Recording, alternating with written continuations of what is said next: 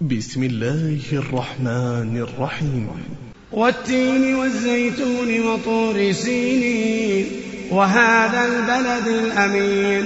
لقد خلقنا الإنسان في أحسن تقويم ثم رددناه أسفل سافلين. إلا الذين آمنوا وعملوا الصالحات فلهم أجر غير ممنون. فما يكذبك بعد بالدين. أليس الله بأحكم الحاكمين؟